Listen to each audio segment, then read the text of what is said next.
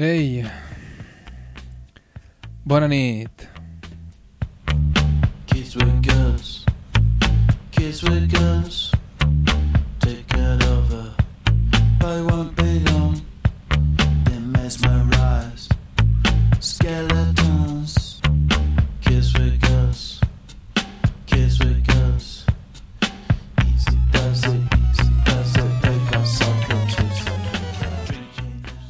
Hipotètics i reals oients de Radioactiva, és dimecres, són les 9 del vespre, i això és Lectures Vàries, programa número 34. Kids with guns, kids with guns. Easy does it, easy does it, they got something to say. Amiguets, amiguetes de Lectures Vàries, ja sabeu que este és el programa que avui no sap què dir de si mateix.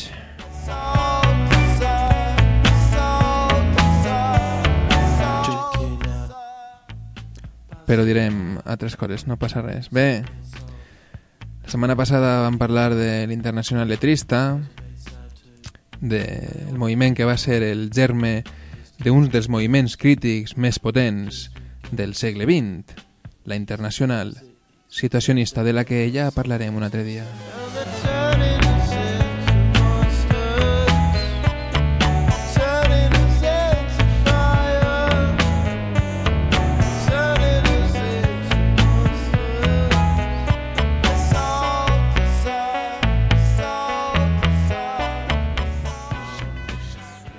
No confongueu mai la Internacional Letrista amb la Internacional Situacionista. Són moviments pareguts, però diferents.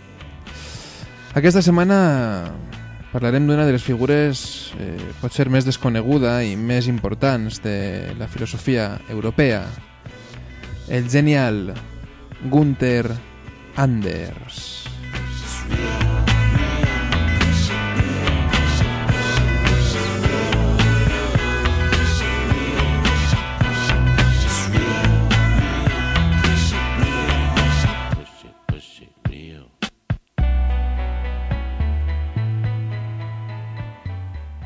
Sí, pot ser un dels filòsofs més desconeguts. Eh, va pertànyer marginalment a l'escola de Frankfurt i parlarem de la seva obra més important, l'obsolescència de l'home.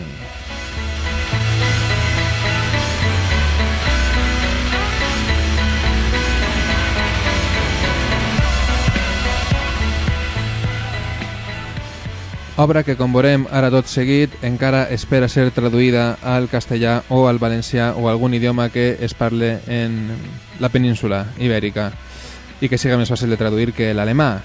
Parlarem concretament d'un capítol que sí que està traduït eh, per la gent d'Etcètera, que es diu La formació de necessitats. Un capítol brutal que destriparem en 10 segons.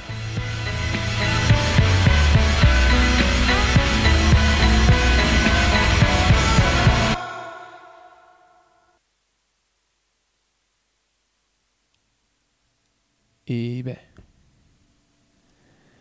és un capítol tan genial i és un fullet tan curt que ens ha sigut impossible fer una tria de, dels textos d'aquest capítol de l'obsolescència de l'hombre de Gunther Anders. Així que el que farem és llegir-lo tal qual, amb una, amb una pausa enmig i fent un, un parell de resums del que es va parlant, però poca cosa més. Abans de res, llegirem la biografia que n'hi ha així davant de, de Gunther Anders, per a que sapigueu un poc qui és. Així no es diu, però com vos dia abans va pertànyer eh, marginalment a l'escola de Frankfurt, en la que, com tots sabreu, o, o és possible que sapigueu, pues, n'hi havia personatges tan eh, potents també com Adorno i Horkheimer que eclipsaven un poc a, la resta, però vamos, Anders és un pensador que està com a mínim al mateix nivell que, que estos que us acabe de, de dir. Anem allà. Gunther Anders, seudónimo de Gunther Stern, Eh, va néixer al 1902 i va morir al 1992. Nacido en Wrocław, Silesia, estudia filosofía con Husserl y Heidegger en Friburgo entre los años 21 y 24. Ejerce de periodista, escribe relatos, poemas y ensayos filosóficos. Ante la llegada al poder de los nazis, Anders, judío y antifascista, emigra en 1933 a París y en el 36 a los Estados Unidos, donde sobrevive trabajando en fábricas. Experiencia que luego juzgará decisiva para la evolución de su crítica de la sociedad moderna. Antes de ser nombrado en 1947 profesor de estética en Nueva York, en 1950 se establece en Viena, donde prosigue su labor literaria y filosófica. Desde los años 50 milita en los movimientos antinucleares y pacifistas. En 1967 forma parte del Tribunal Russell contra la Guerra de Vietnam. En 1986, sus tesis sobre la violencia, resuelto alegato a favor de la resistencia violenta contra la violencia de los estados y los ejércitos, causan escándalo en el movimiento pacifista alemán y austriaco. La filosofía de la resistencia que propugnan los escritos de Anders puede resumirse en una tesis fundamental, la amenaza de destrucción nuclear que se cierne sobre la humanidad entera es la consecuencia extrema de un desarrollo de las técnicas industriales cuyo poderío supera las capacidades de decisión responsable y aun de imaginación de los mismos seres humanos que las producen. La indiferencia con que aceptan la posibilidad permanente del apocalipsis nuclear es la expresión más mortífera de su abdicación ante la perfección superior de sus propios artefactos técnicos. Ofrecemos aquí, a modo de introducción, un capítulo extraído del primer volumen de la obra capital de Anders, La obsolescencia del hombre, de 1956, que aún aguarda su traducción al castellano. Si voleu trobar este pamfletet, està dins de la col·lecció de pamfletets de Etcètera, que és fàcil que pugueu trobar en tots aquests puestos des que vos parle totes les setmanes. En Biblioteca Social Manosquero, en la Liki, i si algú té pas per Barcelona, pues pot passar-se per el local, carrer de la Cera, un bis, crec, i allí el trobarà en molta facilitat. I en molts d'estos garitos alternatius de, de Barcelona, pues també. Ai, que tos. Doncs sí, bueno, Gunther Anders, pseudònimo de Gunther Stern, perquè quan estava escrivint crec que li van recomanar que, que escriguera amb un pseudònim i Anders en alemany crec que vol dir eh, otro, eh, o el otro, Per tant, és Gunther el otro. El senyor Gunther Anders. Bé, eh, en la formació de les necessitats del que va parlar-nos concretament és d'això, és de, de com eh, el món en el que vivim se les composa per a, per a crear-nos eh, necessitats, fins i tot per a obligar-nos a necessitar. I bé, comença el capítol amb un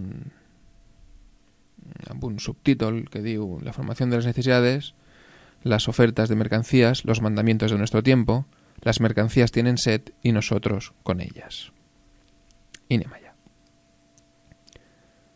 Lo que se nos presenta son, pues, objetos preformados, cuya pretensión es ser en su conjunto el mundo, y cuya finalidad consiste en formarnos a su imagen y semejanza. Lo cual no es decir, sin embargo, que dicha formación sea un proceso violento, ni en todo caso que la violencia allí donde está operando sea perceptible como tal, o tan siquiera reconocible como presión. Las más de las veces la presión formadora de necesidades es tan poco perceptible para nosotros, como para los peces de las profundidades marítimas la presión de las masas oceánicas que pesan sobre ellos.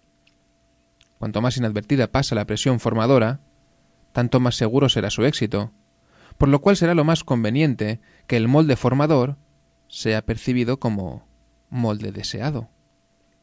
Para alcanzar este fin es preciso, por tanto, formar previamente los deseos mismos.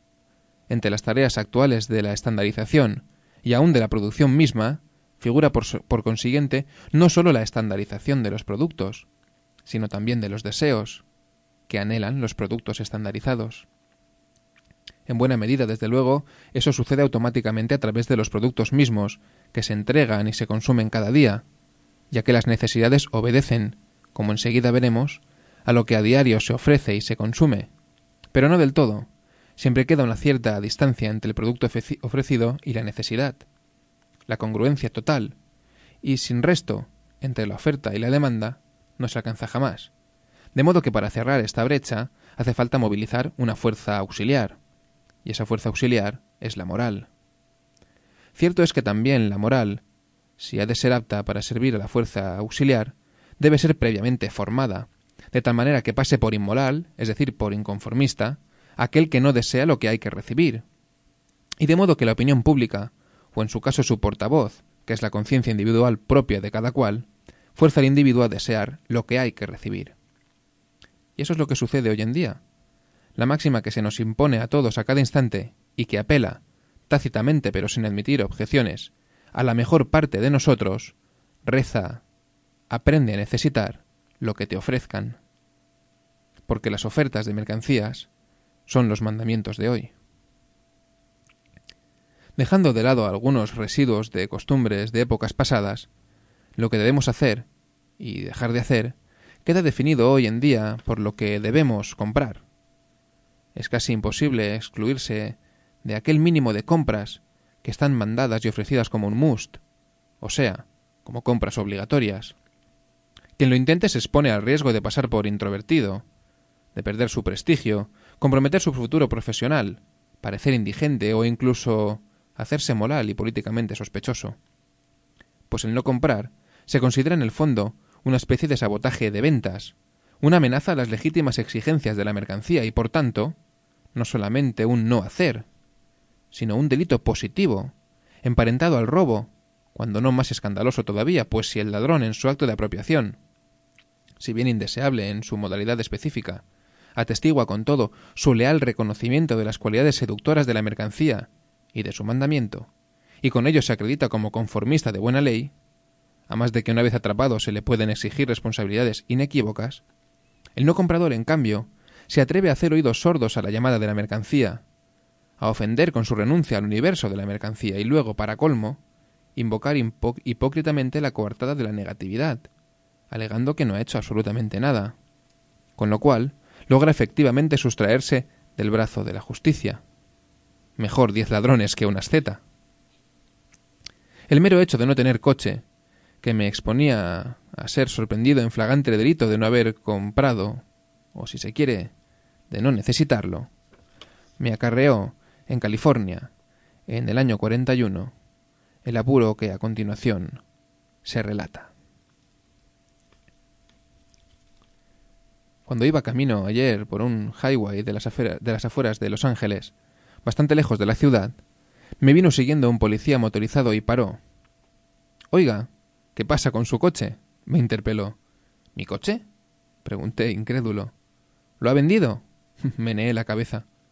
¿Está en reparación? Seguí negando con la cabeza. El policía se puso a pensar, pero parecía imposible dar con un tercer motivo para carecer de automóvil. Entonces, ¿por qué no lo utiliza? No, no utilizo el qué. Yo no tengo coche. Esa sencilla declaración superaba a sí mismo su entendimiento. Es que nunca he tenido ninguno, expliqué con ánimo de ayudar. No podía haber metido la pata de peor manera. Era acusarme a mí mismo. El policía se quedó boquiabierto. ¿Nunca ha tenido? Eso es, dije alabando sus buenas entendederas. Lo saludé alegremente, ingenuo de mí, y traté de proseguir mi paseo. Pero de eso ya ni hablar, todo lo contrario. Eh, no me joda, amigo, dijo desenvainando un bloc de apuntes. No me venga usted con cuentos. El regocijo de poder aliviar la abrumadora monotonía de su oficio con la captura de un vagabundo lo ponía de un humor casi candoroso. ¿Y cómo es que no ha tenido nunca un coche? A estas alturas incluso yo creía haberme dado cuenta de que no debía contestar. Y en lugar de decir porque nunca he tenido dinero para comprarme un coche, respondí, encogiéndome de hombros, lo más indiferente que podía. Pues. porque nunca me hizo falta. La respuesta parecía regocijarlo. ¿Cómo es eso? exclamó casi entusiasmado. Barrunté que había cometido otro error aún peor que el primero. ¿Y por qué a este chico tan simpático no le hace falta tener coche? El chico simpático se escogió de hombros, amedrentado. Pues... porque me hacen más falta otras cosas. ¿Por ejemplo? Mm, los libros, por ejemplo. Vaya, dijo el policía con voz de mal agüero y repitió. Los libros. Por lo visto, ya se sentía seguro de su diagnóstico, pues añadió, no se haga el tonto. Lo cual quería decir que había caído en la cuenta de que este chico tan simpático era en realidad un intelectualillo que se hacía el imbécil para disimular que se negaba a reconocer las ofertas como mandamientos. Ya conocemos a los de Turrealea, dijo, asestándome un puñetazo amistoso en el pecho, y añadió señalando con un ademán el desierto horizonte. ¿Y exactamente a dónde va usted? Era la pregunta que más, que más temía, pues si bien la carretera iba hasta San Luis, que estaba a cuarenta millas, hasta llegar allí no se llevaba a ninguna parte. De haber intentado darle una definición de lo que es la falta de destino del paseante, me había integrado en bandeja, delatándome definitivamente como vago y maleante. Sabe Dios dónde estaría yo ahora de no haber llegado en ese mismo instante mi amigo L, cual verdadero Deus in machina, o sea, en su imponente automóvil de seis asientos, paró en seco, me saludó efusivamente y me invitó a subir, lo cual al policía no solo lo dejó pasmado, sino que debió causarle serio daño a su filosofía. No lo vuelva a hacer, me gritó al adelantar con su moto nuestro coche. ¿Qué era lo que no debía volver a hacer? Por lo visto, no debía volver a dejar de comprar lo que las ofertas mandan que todo el mundo compre. I fins així eh, la primera part del que anem a llegir de la formació de les necessitats de Gunther Anders. Un tros prou simpàtic en el que es diuen coses molt, molt interessants, eh, que després resumirem, però en el que és eh, definitivament eh, no sé aleccionador, podríem dir, no sé. Eh, aquesta historieta personal de la que parla ell amb, amb el policia. Però bé, abans de continuar cap a davant, un programa que crec que avui no s'estendrà molt, o no ho sé, el que anem a fer és volar una musiqueta. Una musiqueta que, com últimament està passant molt en el nostre programa, està feta per dones. Concretament, aquestes dones és un grup anomenat The Breeders i són un parell de bessones amb, amb una altra dona i un home, però que aquestes dues dones tenen en el seu currículum musical haver format, haver format part del de super meravellós e increïble grup eh, anomenat Pixies. Del seu primer LP, crec, anomenat Last Splash, anem a posar una cançó que es diu Invisible Man, home invisible. That's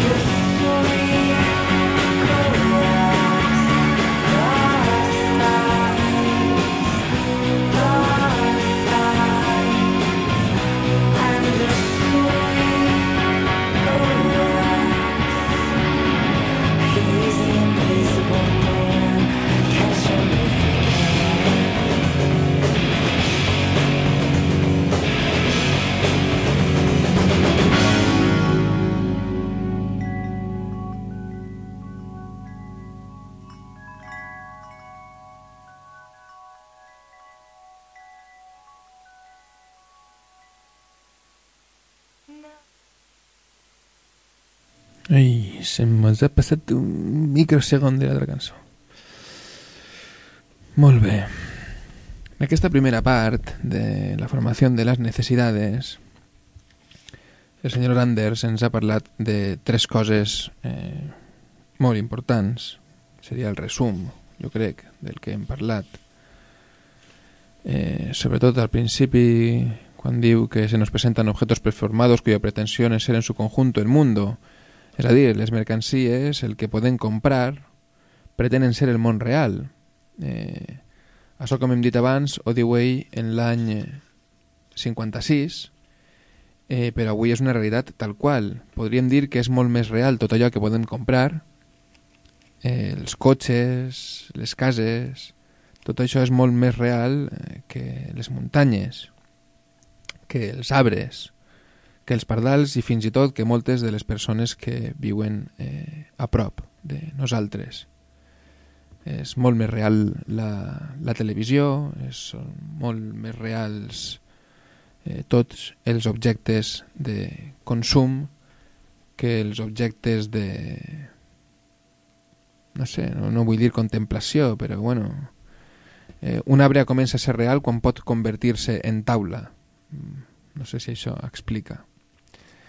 Després, també, eh, aquestes mercancies que pretenen, mercaderies que pretenen ser el món real, pretenen també convertir-nos a nosaltres en mercaderies.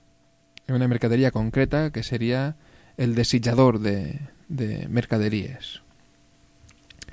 També parla de l'estandardització. La estandardització no sols és necessària en els productes, sinó que també és necessària en els desitjos, perquè així és la manera en la que aprenem a desitjar el que se'ns ofereix. Després esta pressió eh, de- d'estandardització o de formació de, de, del desig, de la necessitat, deu de percibir-se com necessària. Eh, que dia de que el que és interessant és que aquest molde preformador de necessitats eh, pensem que és el molde que volem, és el que necessitem. I després que, clar, eh, aquesta ferramenta ha de completar-se amb una altra que ha dit ell que és la moral, en la, que faja que el no comprar, el no consumir, el ser diferent en aquest aspecte, el, rechaz, el, el rebutjar aquesta realitat, eh, estiga mal vist. Eh, a través de la pressió social i dels i dels estàndards, diguem. Doncs hasta ahí, més o menys, és el que ens ha volgut dir i després il·lustrava tot això amb l'anècdota del cotxe i del policia que li preguntava per què no tenia cotxe i ell dia per què no necessitava i el policia nord-americà, òbviament, no entenia massa bé com no es podia necessitar un cotxe, sobretot quan estava caminant-se per una carretera. I es despedia eh, aquest policia quan el nostre amic Anders pujava al cotxe d'un amic que el salvava al al límit, es despedia d'ell dient-li no lo vuelva a hacer. O, i, I reprenem així la lectura en la que ell pre, o sigui, es preguntava a si mateix què era lo que no debía volver a hacer. Por lo visto no debía volver a dejar de comprar lo que las ofertas mandan que todo el mundo compre. Y anem a continuar. Una vez uno haya reconocido en las ofertas los mandamientos de hoy, ya no le sorprende que incluso quienes de hecho no pueden permitirse la adquisición adquieran sin embargo las mercancías ofrecidas. Lo hacen porque aún menos pueden permitirse desobeder- desobedecer los mandamientos, es decir, no adquirir las mercancías.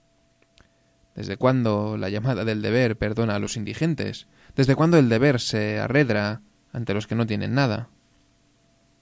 Así, con el deber, según Kant, hay que cumplir también cuando va en contra de las inclinaciones de uno, y sobre todo entonces. Así es que hoy se debe cumplir también, y sobre todo, cuando el deber entra en contradicción con el propio haber. Así fa un símil contable, en el que deber y haber, pues el que yo de comprar y es diners que tinc per comprar. También los mandamientos de las ofertas son categóricos, y cuando ellas proclaman su deber, alegan la precaria situación del deber y haber, y eso es puro sentimentalismo. esa analogía es ciertamente una exageración filosófica, pero exagera apuntando en dirección de la verdad, pues lo que es verdad, sin metáfora, es que hoy en día no hay apenas nada que juegue en la vida anímica de nuestros contemporáneos un papel tan fundamental como la diferencia entre lo que no se pueden permitir y aquello que no se pueden permitir no tenerlo. Y no es menos verdad que esa diferencia se realiza como una lucha. Si hay un conflicto de deberes, característico del hombre de hoy, es esta lucha feroz y agotadora que se desencadena en el pecho de los clientes y en el seno de las familias.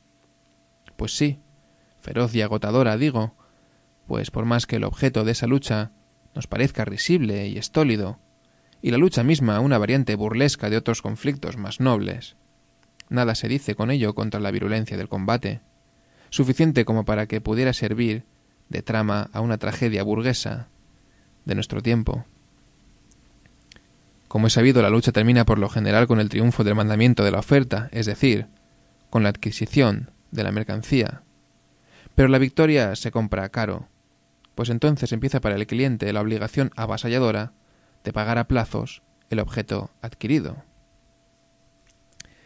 Yo diré así un momento que el triunfo del mandamiento de la oferta, es decir, la adquisición de la mercancía, es roïn de per si, en, sobretot en, en, en, en el moment històric en el que ens parla Anders, però el que és pitjor en si és la justificació que eixa adquisició té darrere. Per exemple, amb els xaletets i tot això que es fa, la gent se's compra, òbviament, la gent compra pisos, perquè si no, no, no es farien.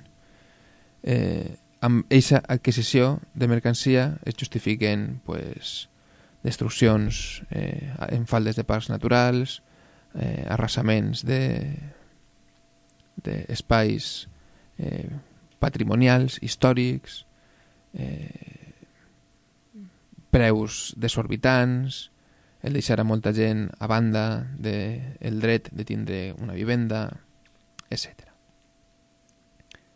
De todos modos, lo mismo da objeto pagado que por pagar. Una vez el cliente lo tenga, quiere también disfrutar su tenencia y como solo puede disfrutarla usando el objeto, acaba usándolo porque lo tiene, con lo cual se convierte en su criatura. Pero no solo por eso, puesto que tiene la mercancía, le es moralmente imposible tenerla sin sacarle el máximo provecho que le pueda ofrecer. Eso sería, en principio, lo mismo que comprar pan y no comerlo. Encender el televisor solo de vez en cuando, usar la radio solo ocasionalmente, eso significaría renunciar voluntariamente y sin beneficiar a nadie a algo que ya se ha pagado, o por lo menos empezado a pagar. Sería despilfarrarlo, y eso desde luego no puede ser. I en això té molt que veure la moral eh, de la que parlàvem abans. Así es que si uno aguanta sin cesar lo que le entreguen los aparatos y sin cesar se deja formar por ellos, por lo menos será también por, por razones morales. Pero con eso no basta. Porque lo que uno tiene una vez, no solamente lo utiliza, sino que también lo necesita. Una vez el uso se haya encarrilado por cierta vía, luego hay que continuar circulando por el mismo carril. Al final, uno no acaba teniendo lo que necesita, sino necesitando lo que tiene. El estado de las posesiones que uno tenga se coagula y se establece psicológicamente como estado normal, lo que es decir que cuando llega a faltar algún producto de marca que se haya poseído una vez, no hay simplemente un hueco, sino que hay hambre. Ahora bien, el caso es que siempre falta algo, ya que todas las mercancías son, para suerte de la producción y gracias a los cálculos que la rigen, unos bienes que se consumen y desgastan por el uso, aun cuando no sean bienes de consumo en el estricto sentido de pan y mantequilla, es decir, unos bienes de cuya falta se encarga el usuario mismo.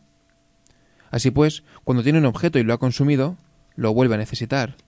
La necesidad sigue al consumo pisándole los talones. En cierto sentido, la adicción es el modelo de las necesidades actuales, con lo que queda dicho que las necesidades deben su existencia y su modo de ser al hecho de que existan determinadas mercancías. Pues bien, Entre esas mercancías, las más refinadas son las que por su cualidad producen necesidades acumulativas. Que Dios o la naturaleza hayan implantado en el hombre un basic need, una necesidad elemental de consumir Coca-Cola, es cosa que nadie sostendría, ni siquiera en el país que la produce. Pero el caso es que allá, al otro lado del charco, la sed se ha adaptado a la Coca-Cola. Y eso, y aquí llegamos al meollo del asunto, a pesar de que la función última y secreta de dicha bebida no es apagar la sed, sino producirla, esto es, producir en concreto una sed específica de Coca-Cola. Aquí resulta, pues, que la demanda es un producto de la oferta y la necesidad un producto del producto. Mientras la necesidad producida por el producto sigue funcionando como garantía de la ulterior producción acumulativa del producto. I això que jo he llegit mil voltes i que veig ja superclar, recorde que la primera volta que ho vaig llegir eh, pues no em va aparèixer tan clar, així que vos ho tornaré a llegir i intentaré explicar-lo. Està parlant de que la Coca-Cola produeix un efecte de necessitar-ne més de Coca-Cola. I diu, aquí resulta pues que la demanda, o siga, demanar Coca-Cola és un producte de l'oferta. O siga, ens ofereixen Coca-Cola, la veiem i a partir d'aquest moment la demanda nostra de Coca-Cola és producte de que se'ns ofereix Coca-Cola. I la necessitat de beure-la és un producte del producte. La necessitat de, la, I la necessitat és un producte del producte. És a dir, la nostra necessitat és producte de la Coca-Cola. La mateixa Coca-Cola ens produeix la necessitat de demandar més Coca-Cola perquè se'ns ofereix més Coca-Cola.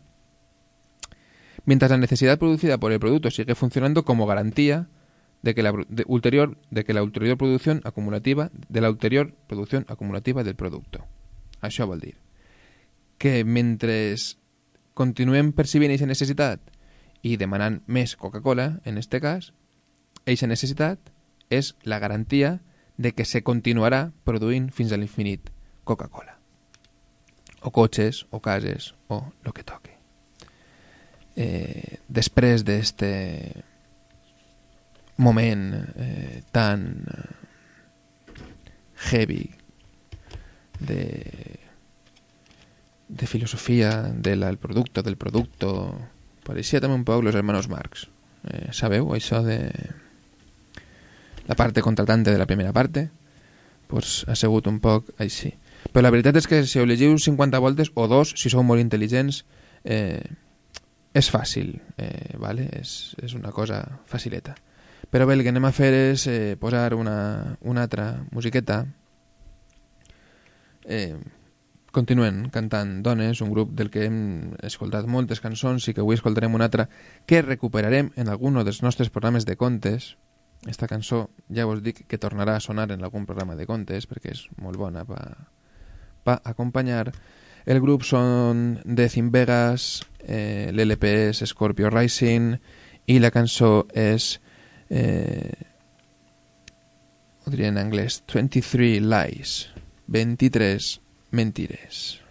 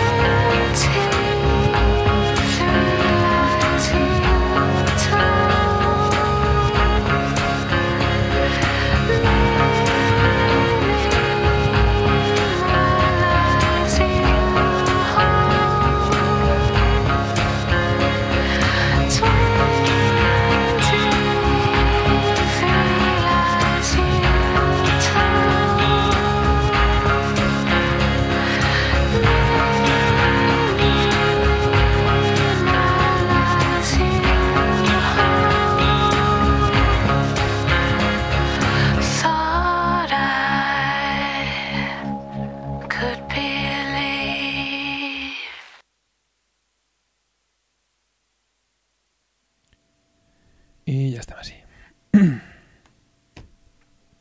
Una cançó molt xachi.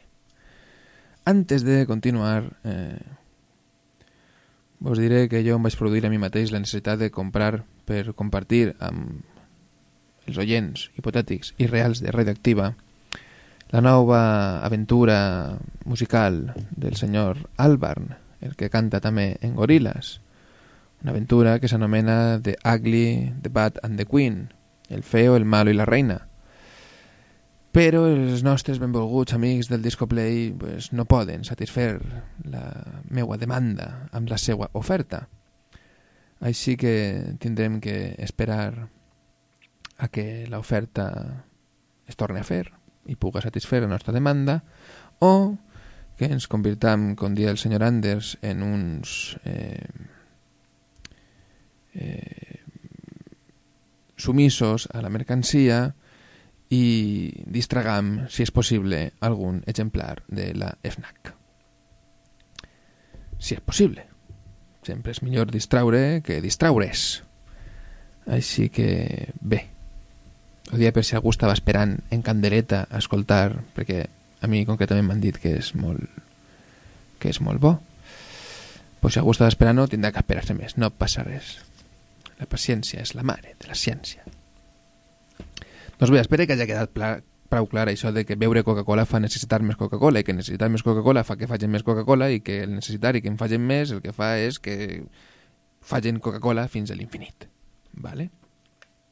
Continúa la cosa dient que este último ejemplo, el de la Coca-Cola, demuestra que al hablar de las ofertas como mandamientos de nuestro tiempo, no hay que hacerse una idea demasiado exigua de su carácter de imperativos. Lo propiamente imperativo no se halla tan solo en las frases declaradamente imperativas, en las estrepitosas órdenes de la publicidad. Compra tu ropa interior Mozart, cómprala ahora mismo, es lo que debes. Eh, A las que uno a fin de cuentas y con un poco de dominio de sí puede todavía ofrecerles resistencia a pesar de todo. Por más que lo traten ya anticipadamente de propietario. Sino que lo imperativo está en la posesión de los productos mismos, cuyas órdenes, aunque silenciosas, efectivamente no admiten objeciones. Cada mercancía adquirida requiere, para seguir siendo utilizable, o por lo menos para no quedar enseguida inservible, y también por razones de prestigio, la compra de otras mercancías. Cada, mercan- cada mercancía tiene sed de otra, o mejor, de otras. Y cada una nos provoca también a nosotros la sed de otras, lo difícil no es comprar mercancías, sino tenerlas, pues el propietario de la mercancía se ve obligado a hacer suya la sed que ésta padece, de jabón en copos o de gasolina. Por mucho que le cueste llenar las bocas acumuladoras de los objetos que se han convertido en su propiedad, no tiene más remedio que hacerse cargo de sus necesidades, y lo hace aún antes de saberlo. Eh, quan de jabón en copos o de gasolina està referint-se a les llevadores i als, i als cotxes. Quien necesita A tiene que necesitar también B, y quien necesita B no puede por menos que necesitar C. De modo que no solo necesita una y otra vez A, como en el caso de la Coca-Cola, sino generaciones enteras de mercancías. B que le ha pedido A, luego C, ya que B lo exige, luego D reclamado por C, y así ad infinitum. El comprador se vende con cada compra, pues con cada compra establece como un lazo matrimonial con una familia de mercancías que se acumulan y procrean como conejos, exigiéndole que se haga cargo de su sustento, lo cual desde luego supone por un lado una cierta comodidad, por cuanto uno no necesita ya apenas ponerse a pensar acerca de su modo de vivir, ni tomar decisiones a su cuenta dado que los sedientos miembros de la familia de mercancías lo informan a gritos de lo que hay que hacer cada día, y el tiempo pasa. Pero, por otro lado, también supone que esos mil miembros de la familia que aún no lo traen de cabeza, lo tratan como si fuera un criado, un menor de edad, una presa acorralada, haciéndolo vivir sometido a sus dictados, que la elección de las necesidades futuras siempre está ya hecha. En suma, uno no tiene jamás tiempo ni libertad de hacer valer sus propias necesidades, ni aun de sentirlas siquiera. Algún ingenuo nos aconsejaría no caer en lazos de semejantes mercancías sedientas, lo cual es obviamente ridículo, ya que no hay mercancía que no tenga sed. Y no las hay porque lo que tiene sed no es la pieza particular de mercancía, sino el universo de las mercancías como un todo. Porque eso que llamamos la sed de las cosas no es sino la interdependencia de la producción, esto es, el hecho de que todos los productos remiten unos a otros y dependen unos de otros. Mantenerse al margen de este universo de las mercancías y de la producción es evidentemente imposible, tan imposible como sería el intento de mantenerse al margen del mundo, es decir, ser, pero sin estar en el mundo. Y si algún loco emprendiera el experimento de independizarse, aunque sea sólo de algunos de los pertrechos y las fuerzas que constituyen nuestro mundo, por ejemplo, la electricidad, no tardaría en perecer. Nadie puede permitirse abrir brechas en el sistema del que, como hijo de nuestro tiempo, participa, lo quiera o no, pues con ello quedaría privado del sistema entero. El hecho de que cada mercancía, el hecho de que cada mercancía que según está mandado se nos ofrece y se compra, encierra, a su vez, otras necesidades que se convierten en nuestras necesidades, representa la culminación del fenómeno de los moldes, ya que nuestras necesidades ya no son más que las improntas o reproducciones de las necesidades de las mercancías mismas. Lo que vamos a necesitar mañana no está escrito ni en los astros, ni en nuestro pecho, ni tan siquiera en nuestro propio estómago, sino en la nevera que habíamos comprado anteayer, en la radio que compramos ayer, en el televisor que hemos comprado hoy, y a los que mañana escucharemos con el corazón palpitante, aguardando que nos dicten nuestras necesidades.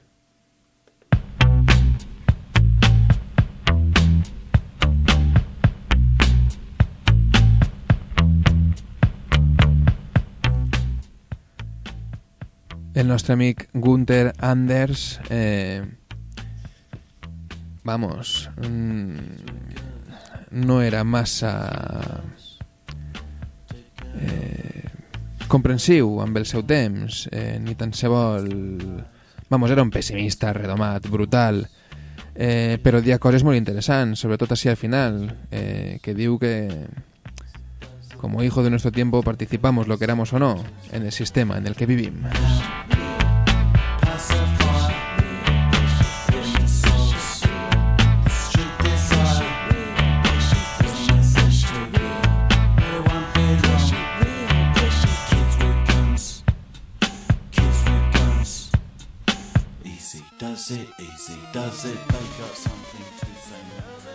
Ara bé, amb el perfeccionament del sistema i la quantitat d'ofertes que tenim ara mateix, pues sí que n'hi ha una facilitat, a lo millor més gran que en els anys 50, de prescindir de certes coses. N'hi ha gent que pot viure sense televisió, n'hi ha gent que pot viure sense comprar, sense cotxe... Clar, el problema és que el sistema, el mateix és que s'ha perfeccionat i ens dona la possibilitat de prescindir de certes coses, eh, ha sabut viure sense que això, el que nosaltres prescindim de certs productes, siga un problema per al seu manteniment.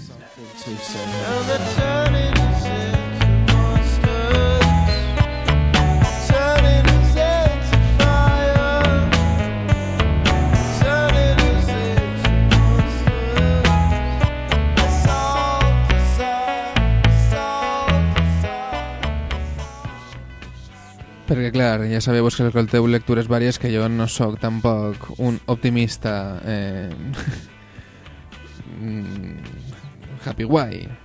Eh, no, ni happy guai ni dels altres, la veritat, sóc prou andersiano. Eh, la cosa és que en esta segon part el que ens ha dit més o menys és que mm, el sistema es fa consumir, consumir a costa del que siga, encara que no tinguem diners, per això estan els bancs. Hem parlat del cercle viciós de que o use perquè ho tinc, o necessite perquè use, o use perquè ho tinc, o necessite perquè use, o use perquè ho tinc... Eh? Hem parlat de l'obsolescència planificada, tot està fet per a desgastar-se i necessitar altra volta això, i tot allò que ve darrere d'això. Hem parlat de necessitats acumulatives, del pes de tenir coses, perquè el cotxe demana, la llevadora demana, tot demana. I bé, tot, tot es produeix per a ser consumit. Eixa és la veritat del sistema industrial.